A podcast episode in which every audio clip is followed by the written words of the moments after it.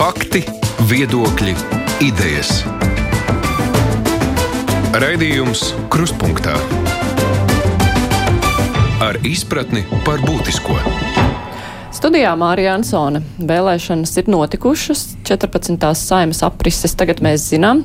Uzvarējusi ir pašreizējā premjera pārstāvētā jaunā vienotība un partija arī apliecinājusi gatavību uzņemties valdības veidošanu.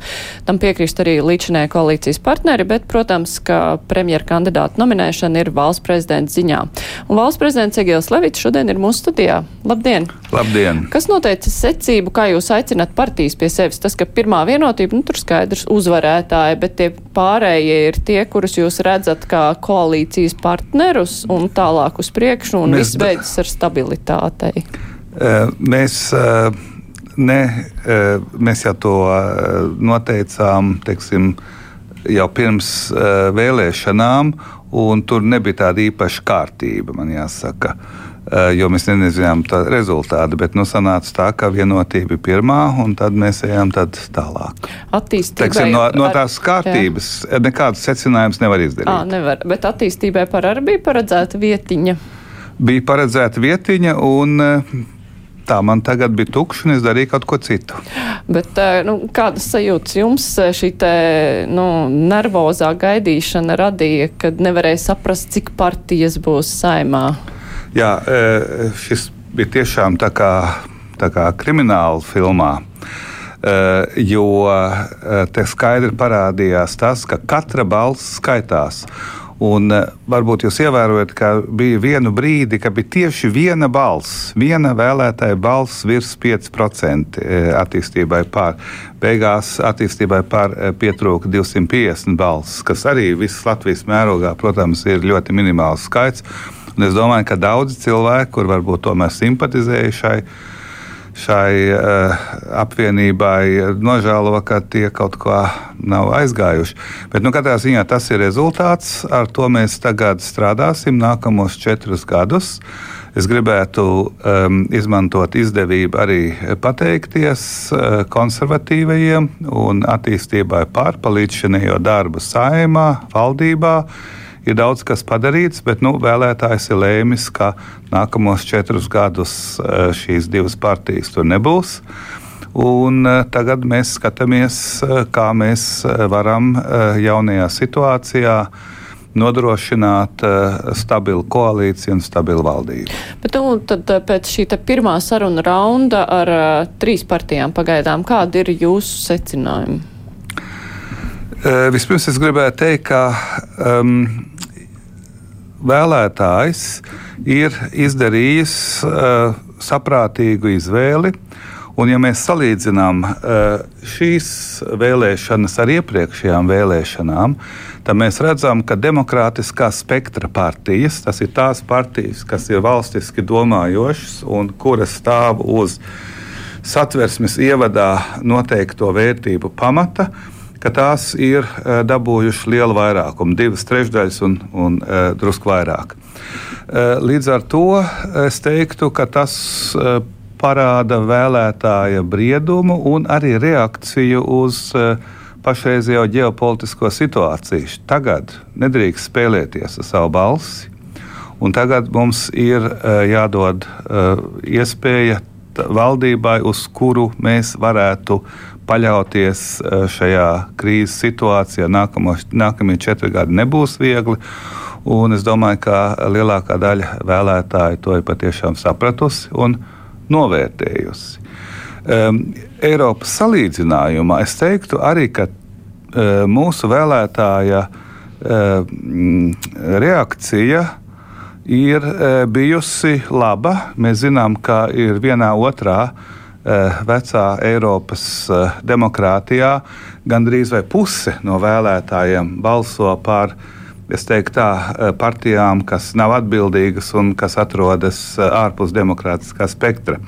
Bet mums, es teiktu, ir tiešām solīts rezultāts. Tajā pašā laikā Latgalē it īpaši dažos iecirkņos, kā mēs redzējām, tur tieši šis te, nu, ko mēs varētu pieskaitīt nedemokrātiskajam spektram, vai pareizāk sakot, partijām, kuras ļoti stingri balansē uz uh, tās robežas, kura jau tiek uh, uzskatīta par, nu, pretiesisku šobrīd mūsu valstī, jo tās atbalsta Krievijas agresiju, un tur tām bija diezgan liels atbalsts, vai tas, tam nevajadzētu mūs darīt uzmanīgus, jo tas ir tas reģions, kas ir vistuvāk Krievijai.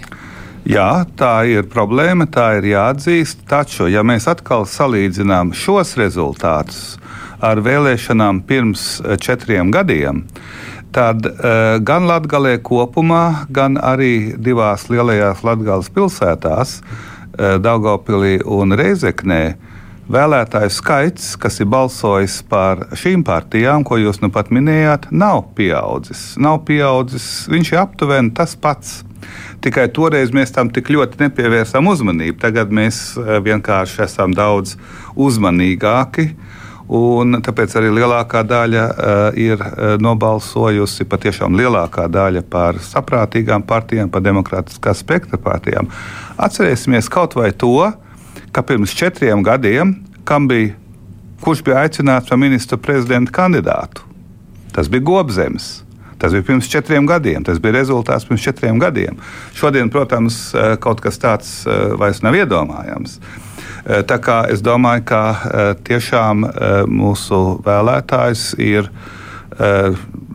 apzinājies nopietno situāciju, kādā mēs tagad atrodamies, kādā mēs būsim nākamajā laikā, un arī at, izdarījis attiecīgo solīdo izvēli. Demokrātiskais spektrs ir plašs no kreisām, centra, labējām partijām. Tas viss ir demokrātijā pieņemams un arī strīdi un diskusijas starp šiem virzieniem ir, ir demokrātijā ne tikai pieņemami, tas ir vajadzīgi.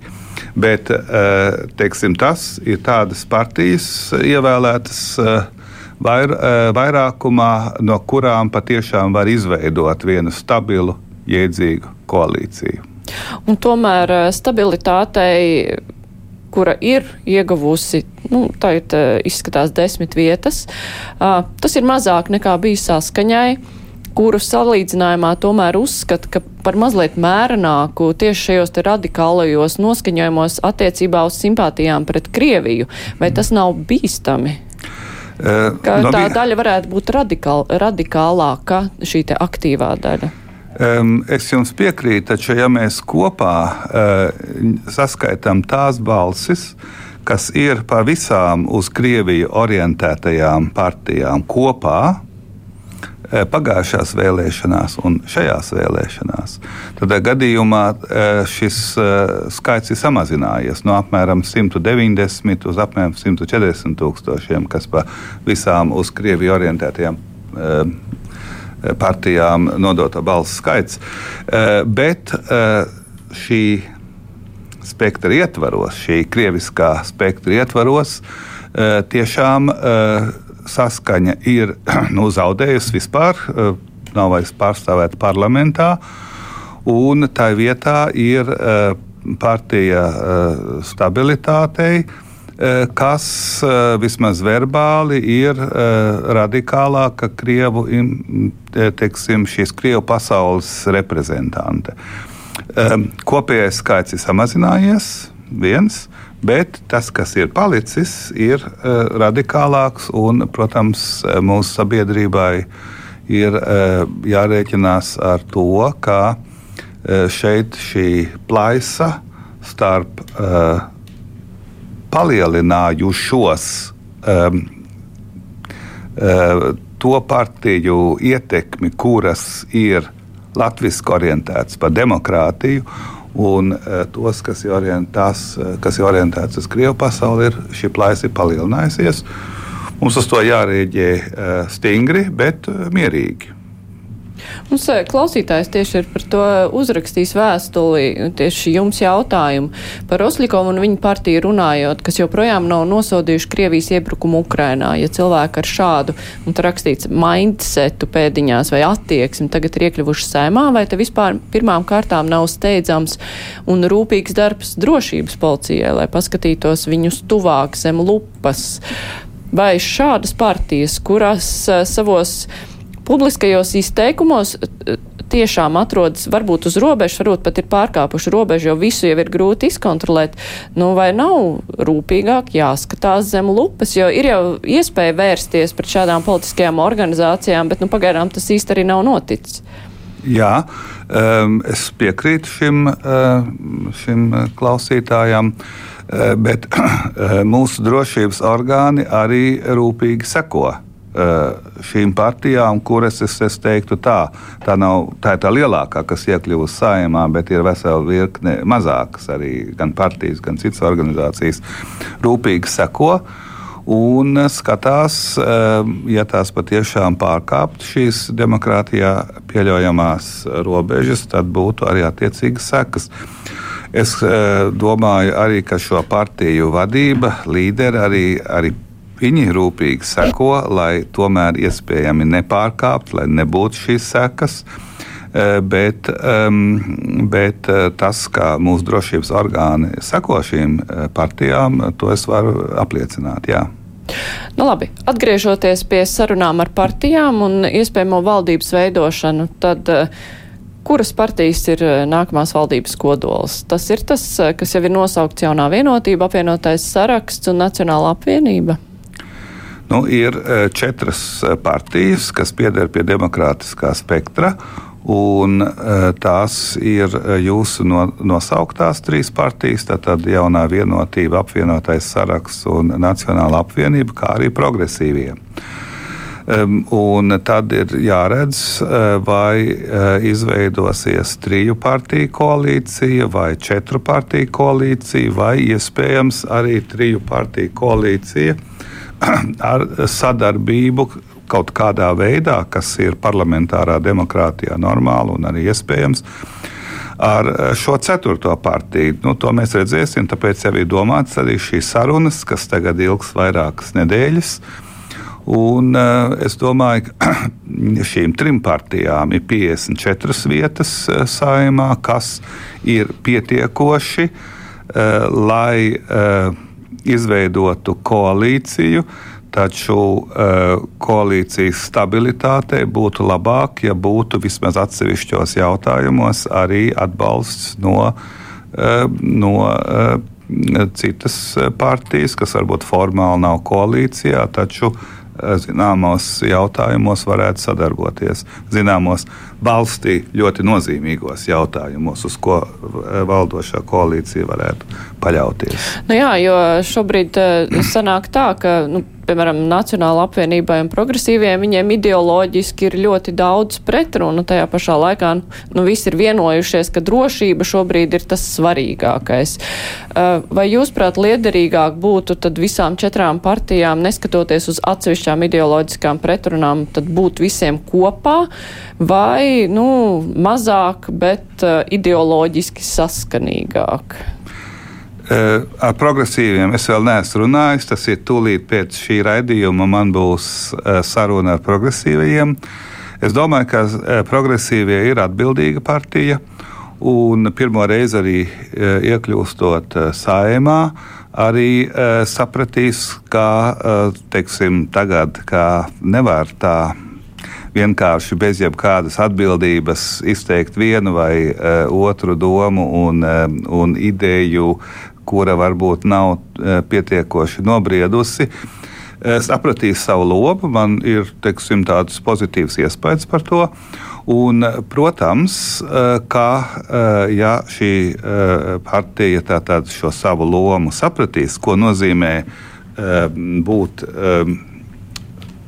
parlamentārajā demokrātijā pārstāvētāji partijai parlamentā, Es domāju, ka tas ir pilnīgi iespējams. Un tieši valstīs svarīgos jautājumos ir jābūt pēc iespējas lielai vienotībai parlamentā. Tā kā es tiešām ceru uz konstruktīvu eh, sadarbību eh, eh, ar progresīvajiem. Starp šo iespējamo, es saku tikai iespējamā trīs partiju koalīcija, teorētiski iespējama četru partiju koalīcija, bet ņemot vērā ideoloģiskās atšķirības, nu, diez vai tas ir iespējams. Eh, protams, var, var tā, tīri teorētiski, var tos jautājumus, kas ir ideoloģiski atšķirīgi, izņemt ārā no koalīcijas vienošanās un nolikt malā. Bet nu, tomēr arī vēlētājs sagaida no uh, savas partijas, piemēram, tie, kas ir vēlējuši par Nacionālo apvienību, uh, ka tā uh, tomēr veido pēc iespējas koalīciju tām, kas ir ideoloģiski tuvākas. Tā kā mēs redzēsim, kas tur beigās iznāks, bet es tiešām nu, es, es domāju, ka progresīvie arī dos savu pienesumu Latvijas valsts stabilitātei un attīstībai. Kad jūs paziņosiet savu lēmumu? Pēc šīs dienas visām sarunām vai ilgāk tas ir? Nē, es formāli to varu tikai sākot ar 1. novembri, kad sanāk jaunā saima. Taču šis laiks ir liederīgi jāizmanto. Es tagad uh, vispirms tiekos ar visām uh, parlamentā pārstāvētām frakcijām. Es arī runāju par to, kam ir jābūt teksim, tiem pamatpunktiem jaunajā koalīcijas līgumā. Un šīs četras nedēļas līdz jaunās saimnes sanākšanai tiks patiešām ļoti intensīvi izmantotas. Uh, Eh, man ir arī eh, teiksim, uzstādījums, eh, ka jaunajam koalīcijas līgumam jābūt jau sagatavotam tādā kārtībā, ka to var sākt lietot, un tikai pēc tam es nosaukšu ministru prezidentu kandidātu. Jo tas ir kurš formāli to darīs. Bet, protams, ir iespējams, un es veicināšu arī šo sarunu procesu, lai līdz tam laikam jau lielākā daļa jautājumu tiktu noskaidrot. Un ne tikai teiksim, tādos vispārējos vārdos, tas nepietiek. Mēs redzējām no iepriekšējās, no iepriekšējās koalīcijas, ka nu, koalīcijai ir grūtības strādāt, ja tā nestrādā kā vienota komanda. Ja viena partija cenšas iekniept otrai, un, un teiksim, ir lielas domstarpības. Es domāju, ka lielākā daļa iespējamo domstarpību vajadzētu jau būt noregulētām šajā līgumā, tā kā šis līgums patiešām darbotos. Un tur ietilptu gan lielie virzieni, gan arī iespējamās detaļas, kas var novest pie Eh, pie teiksim, problēmām. Jo, kā jau zināms, eh, vēlams slēpjas detaļās un ne, ne, nepietiek teiksim, aizkrāsot ar lielajiem principiem šīs iespējamās detaļas, kuras tad paliek tad vēlāk, kad nāk tas priekšā eh, problēmas rīvēšanās koalīcijā. Es domāju, šim koalīcijas līgumam, un tas būtu varbūt tāds nu, mans uzstādījums, jābūt labākam koalīcijas līgumam kā jebkad iepriekš. Un tikai pēc tam, pēc tam es attiecīgi nosaukšu iespējamo ministru prezidenta kandidātu. Uh, arī jautājums par valdības sastāvu un uh, valdības, um, uh, valdības struktūru ir jāietver šajā sarunu procesā jau pirms tam, bet pirms mēs runājam par personālijām, tur noteikti, protams, vispirms ir šie, šī programma Programmai ir jābūt gatavai vispirms, tad pa struktūru, tad pa personālajām. Un tikai tādā kārtībā. Un pašā beigās ministra prezidenta kandidāts. Iespējams, ka tas varētu būt jau uz novembra sākuma, kad sanāk jaunā saima. Iespējams, arī vēlāk. Ja bet, viņiem nebūs izdevies. ja nebūs izdevies, bet nu, to mēs redzēsim. Visu laiku mēs runājam par trim partijām, kā valdības kodolu, plus vienu vai nu iekšā valdībā vai blakus valdībai. Uh, pie demokrātiskā spektra partijām zaļā ZZS ir pieskaitāma? Um, es demokrātiskā spektra partijas, teiksim, es domāju, diezgan stingra robeža tur ir. Uh, ir arī pārstāvētas trīs partijas, kas ir riskantas no demokrātiskā spektra viedokļa. Viena ir uh, teiksim, eh, populistiska partija, eh, cita ir eh, partija, kas orientējās uz Krievu pasauli. Un ir vēl viena partija, kura nav distancējusies vismaz no teiksim, personas un varbūt arī vēl tālākiem cilvēkiem, kas tomēr reprezentē oligarhiju, korupciju un pret kuru ir mūsu strateģiskā sabiedrotā sankcijas. Ar tādu cilvēku un tādu partiju, kas atbalsta tādu cilvēku, Ar to tas ir Latvijas drošības risks, un ja kāda partija to nesaprot, tad, protams, tā ir ārpus demokrātiskā spektra. Uh, šī persona, kuru jūs uh, minējāt un raksturojāt, uh, pirms vēlēšanām bija nu, pauda žurnālistiem, ka neredz šķēršļus, ka viņu varētu nu, nenominēt par premjeru. Pareizāk sakot, neredzēju šķēršļus savi, sevis atrašanai premjera amatā, jo viņš ir premjera kandidāts. Vai ir iespējama šāda cilvēka nominēšana par premjeru, nu, distancējoties no tā, ka tur arī balsu nav? Ne ar mani. Es nekādā ziņā tā kaut ko neiedomājos vispār. Tas ir milzīgs drošības risks Latvijai. Tas ir izslēgts. ZZS uzsver, ka daudzie vēlētāji, kuri par viņiem balsoja, balsoja ne tikai par programmu, bet arī par viņu premjeru kandidātu. Tad par ko tas liecina, ka iedzīvotāji grib sev šādu premjeru? Tas var būt, bet nu, lielākā daļa, un absolūti lielākā daļa saprot to. Tāpēc arī ir balsojuši par citām partijām, kuras ir koalīcijas spējīgas, kuras nerada drošības riskus. Man jāsaka, tur vēl ir jautājums par pielaidi. Tas ir, nu, eh, man ir žēl, ka teiksim, šīs balstis ir nu, nevarēs tik kaut kādā veidā izmantotas vēlāk. Bet nu, tāda ir situācija. Latvijas drošība ir pirmā vietā. Um, citi Bet citas partijas ir teikušas, mēs varētu sadarboties ar ZZS, ja viņi distancējas no uh, sava premjera kandidāta. Vai tādā brīdī, ja viņi distancētos, tad uh, varētu šo partiju atkal iekļaut apritē atkal? Uh, šai distancēšanai ir jābūt nopietnai tai jābūt izanalizētai arī pašā partijā, kādēļ tas notiek tik vēli, kaut kā vēlu, kāpēc teorētiski notiktu tik vēlu, jo tas jau nav noticis. Ja, ja tur būtu nopietna refleksija, izanalizēšana, kādēļ vispār tik tālu ir nonākusi šī partija. Nu, tādā gadījumā es domāju, ka par to varētu domāt, bet kamēr tas nav, tas vispār nav pieņemami. Jā, es atgādināšu mūsu klausītājiem, kuri klausās mūs šobrīd, arī Latvijas televīzijas skatītājiem, kuri skatīsies mūsu stundu vēlāk, ka šodien kruspunktā ir saruna ar valsts prezidentu Egilu Levitu. Mēs tūlīt pat turpināsim. Raidījums Krustpunktā. Jūs jau minējāt, ka ir būtiski, lai topošās koalīcijas partijas vienojas par koalīcijas līgumu, kuram ir jābūt vislabākajam koalīcijas līgumam, kāds ir bijis, un tur ir jābūt jau atrunātām un nu, atrisinātām visām iespējamām domstarpībām.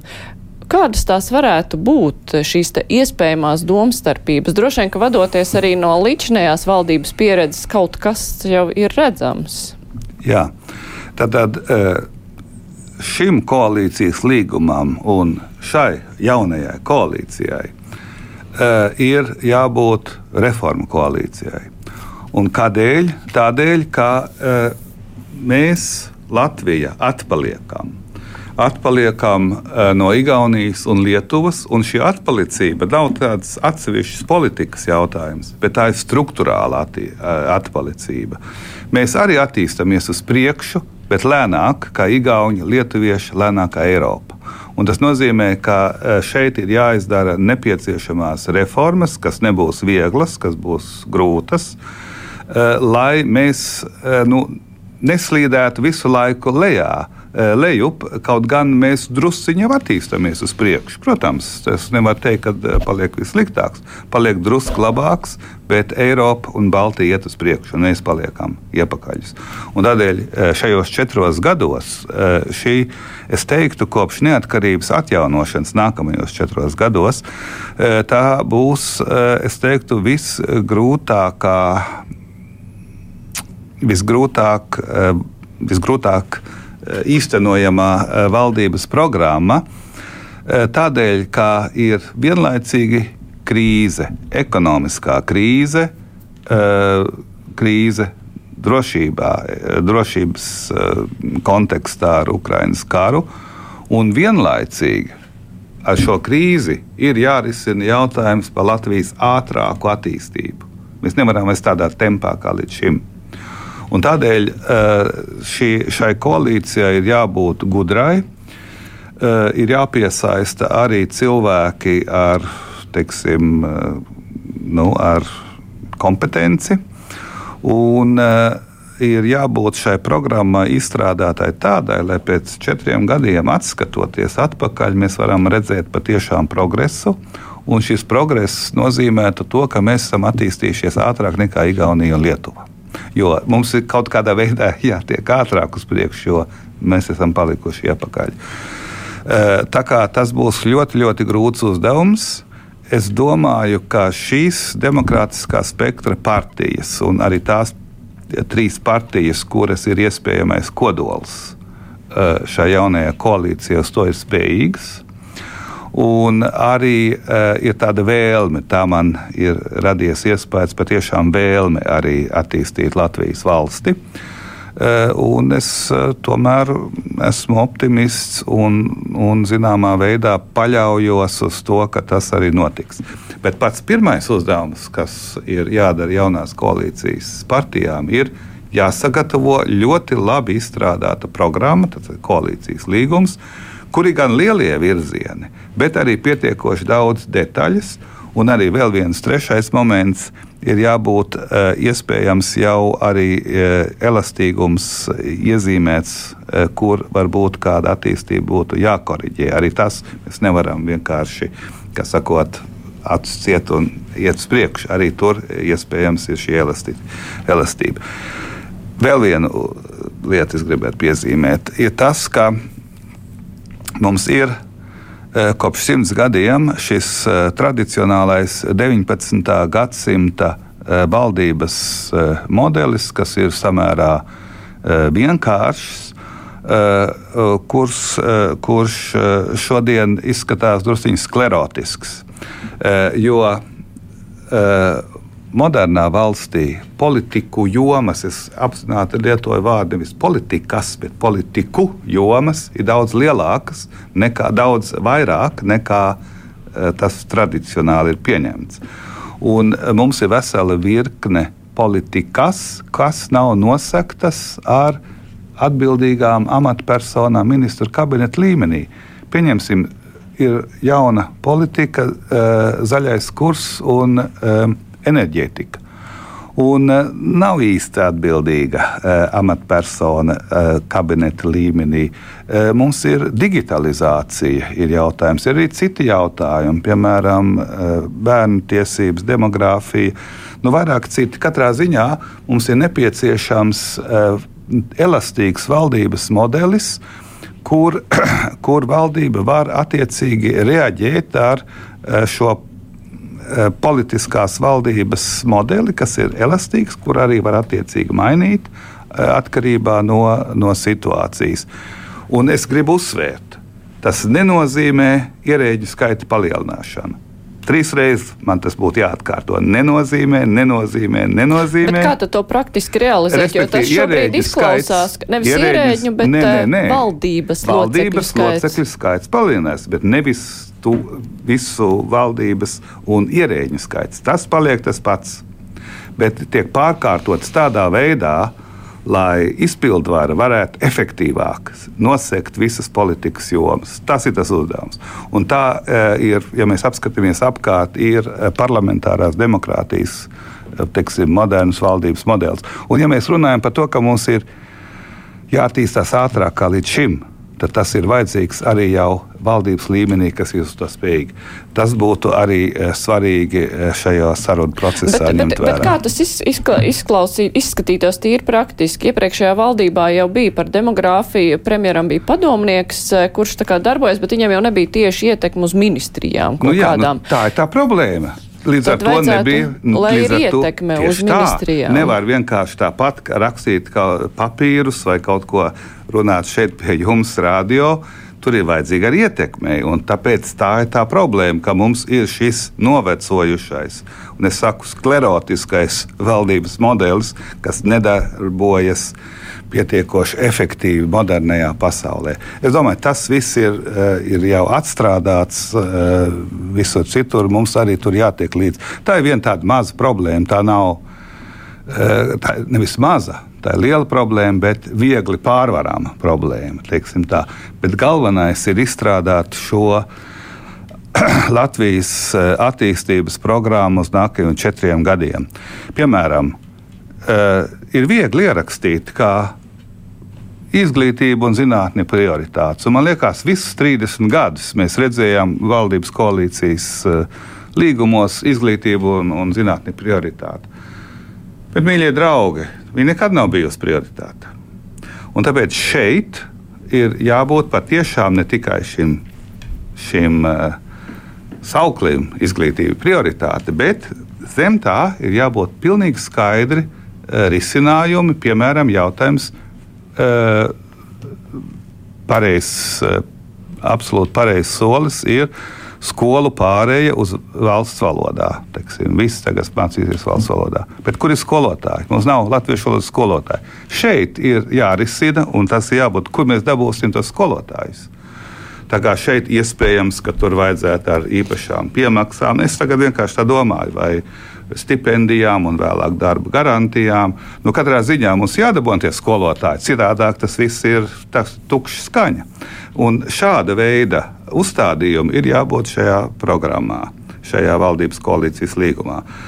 Un, tādēļ es uh, nesteidzināšu uh, iespējamos koalīcijas partnerus tagad noteikti uz 1. novembri. Lūdzu, uh, sarakstiet visu. Uh, Es tiešām eh, ļoti rūpīgi raudzīšos, kas šajā koalīcijas līgumā ir iekšā, vai tas varētu darboties.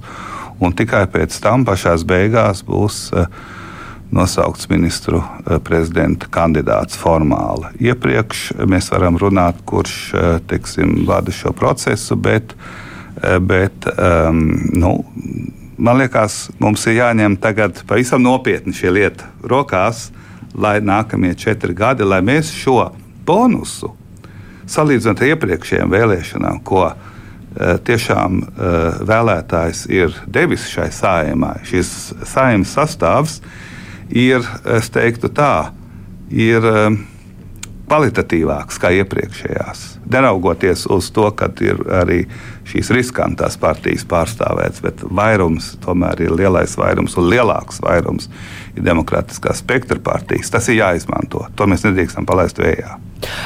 Es vēl vaicāšu par šo reformu koalīciju, bet uh, jūs minējāt, nu, ka jūs rūpīgi skatīsieties, lai tas viss parādās, šis rīcības plāns uh, pietiekoši sīk izstrādāts, lai parādās jau koalīcijas līgumā.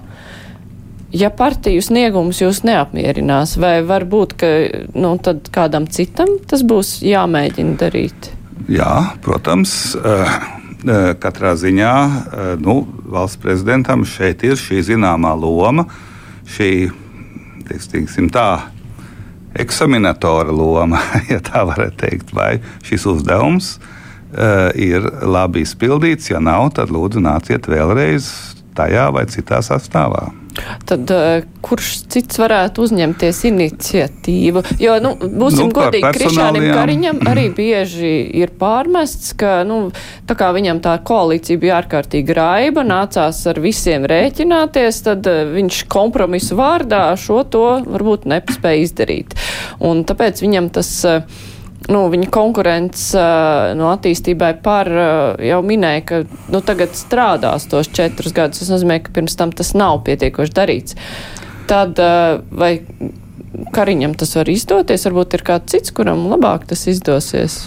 Es domāju, ka uh, vēlētājs ir izvēlējies kvalitatīvāku saimnes sastāvu šoreiz.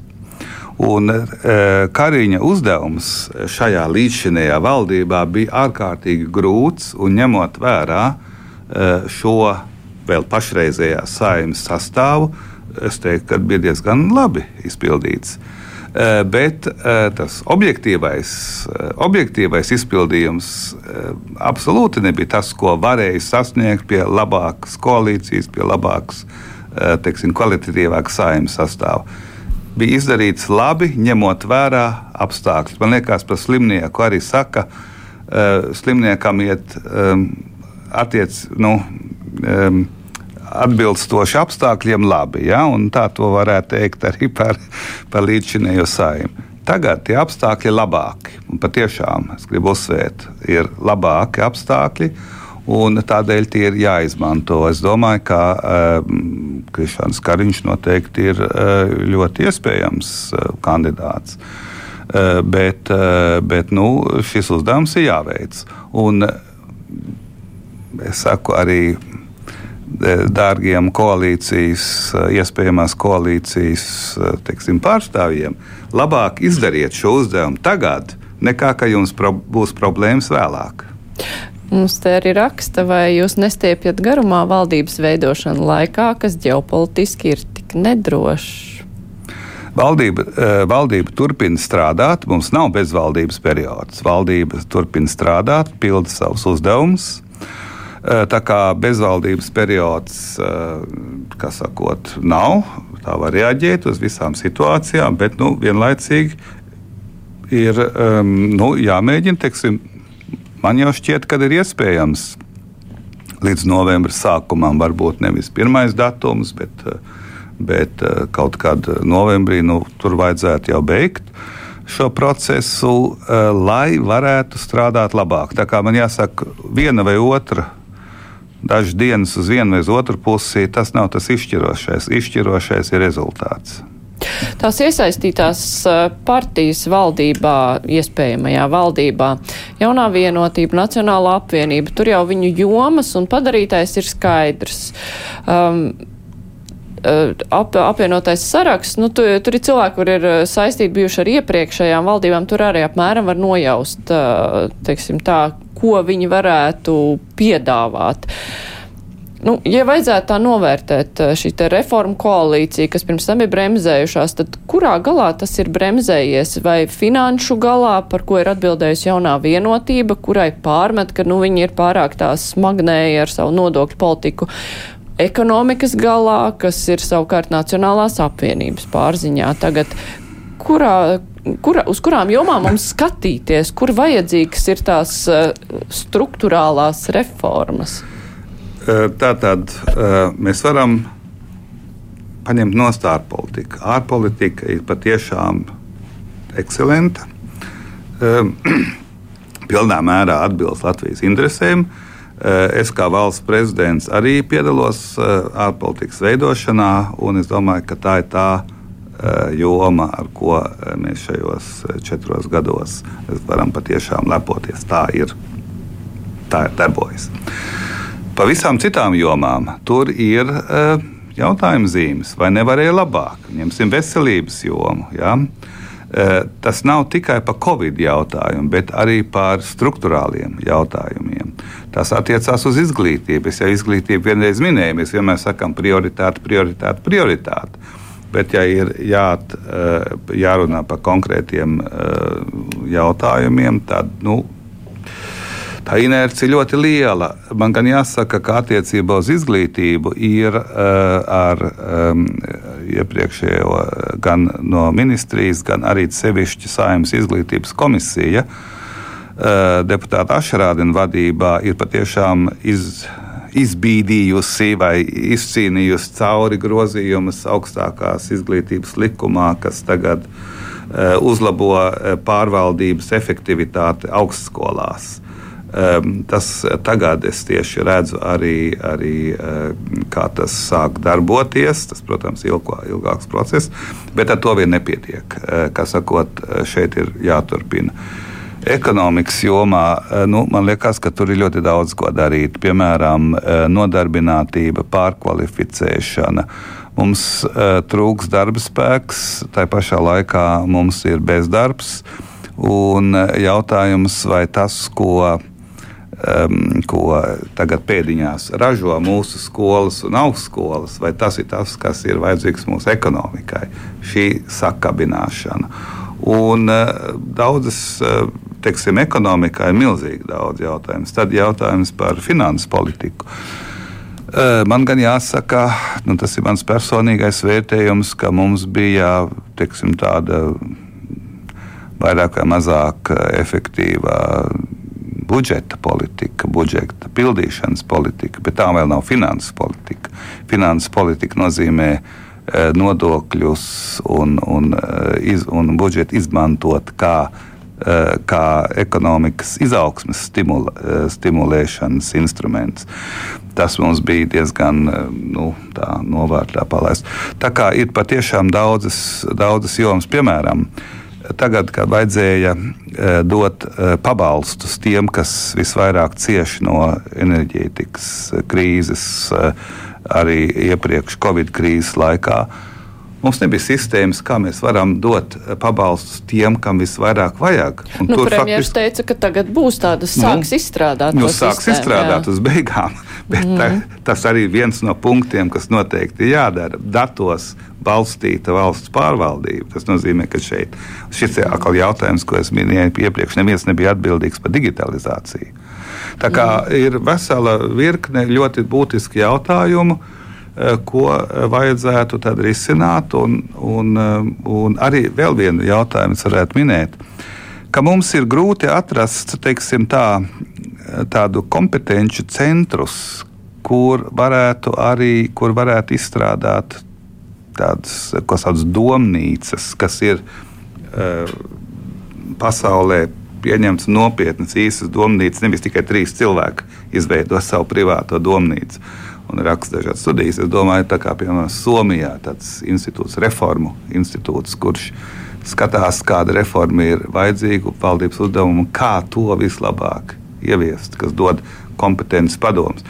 Eh, attiecībā uz eh, valsts politiku man jau vienmēr jau ir eh, sakot, šī doma par valsts padomi, kas dod to tiesību politiskos aspektus, bet to es domāju par šo reformu institūtu, kas varētu kompetentas konsultācijas sniegt, nu, tas arī kādreiz jāpadomā. Ir. Tā kā redziet, mēs esam valsts ar nepārāk lielu iedzīvotāju skaitu, nepilnīgi 2 miljoni, mazāk kā 2 miljoni.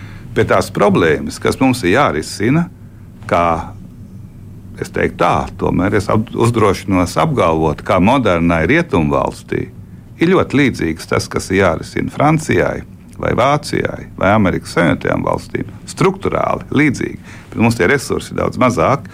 Un, uh, līdz ar to arī uh, šie kompetenci resursi, un tieši tur mums ir jāiegulda uh, vairāk zinātnē, izglītība, arī šīs iespējamie nu, teiksim, tādi kompetenci centri. Nu, partijas, kuras ir bijušas jau daudzās saimās, vai vismaz ziņu politiķi, nu, tur ir daudz maz skaidrs, jaunās vienotības, nacionālās apvienības, nu, programma, to mēs zinām jau, mm. uz ko viņi iet. Ja mēs runājam par reformām, vai jaunajai valdībai izdosies iztikt, piemēram, bez progresīviem, kuriem ir kaut kādās lietās jauns skatījums un jauns piegājiens. Vai tas ir vajadzīgs, vai tomēr ir nu, jāskatās uz to kaut kādu turpināšanu tajās lietās, nu, kas ir sāktas? Es domāju, ka uh, Nacionālā apvienība ir labi turējusies arī šajās vēlēšanās. Un Nacionālā apvienība, neraugoties uz tā teikt, kreiso un liberālo kritiku visu laiku ir izturējusi šo nacionālo līniju. Un beigās tagad izrādīsies, ka tā ir pilnīgi pareiza, nepieciešama. Un tas, kā mēs 30 gadus šķēlām sabiedrību ar šī skolu segregāciju, mēs tagad izbaudām tos izbaudām pēdiņās šos augļus. Tā kā e, Nacionālās apvienības šī nacionālā politika ir bijusi pilnīgi pareiza.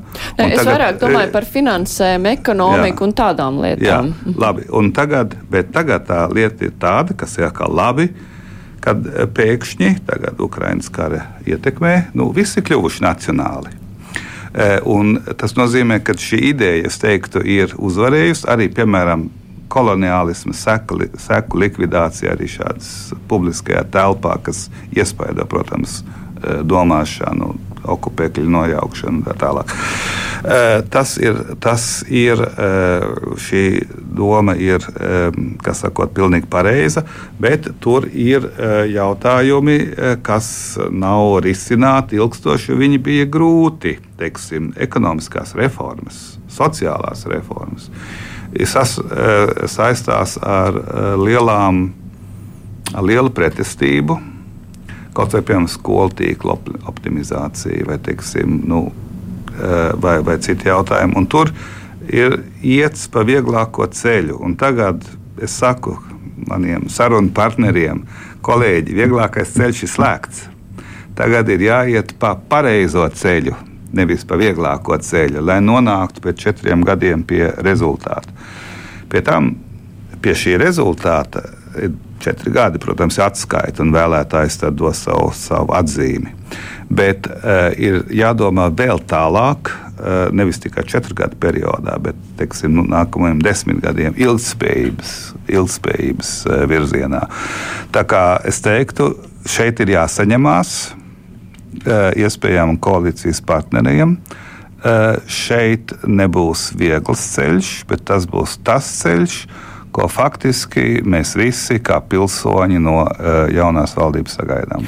Bet uh, nu, tās jaunās vēsmas, kaut kāds jauns pieejams ir nepieciešams tai jaunajai koalīcijai. Jā, protams. Piemēram, uh, ir jāķerās klāt visiem šiem ekonomikas jautājumiem, kas ir, ir, ir uh, līdz šim. Es domāju, ka tā, daļa no tiem nav kaut kas īpaši jauns. Vienkārši nebija vēlme tiem ķerties klāt. Eh, man bija eh, arī jautājums par zināmu korektūru eh, administratīvās reformas likumā, kur tomēr, es to es vienmēr norādīju, ka Eh, šī saikne starp cilvēku un, un pašvaldību ir pārāk attālināta arī par šīm vietējām kopienām, iespējams, pa reģioniem. Es domāju, ka tur būtu atvērta jaunā, tas ir viens, viens konkrēts jautājums, jaunā koalīcija.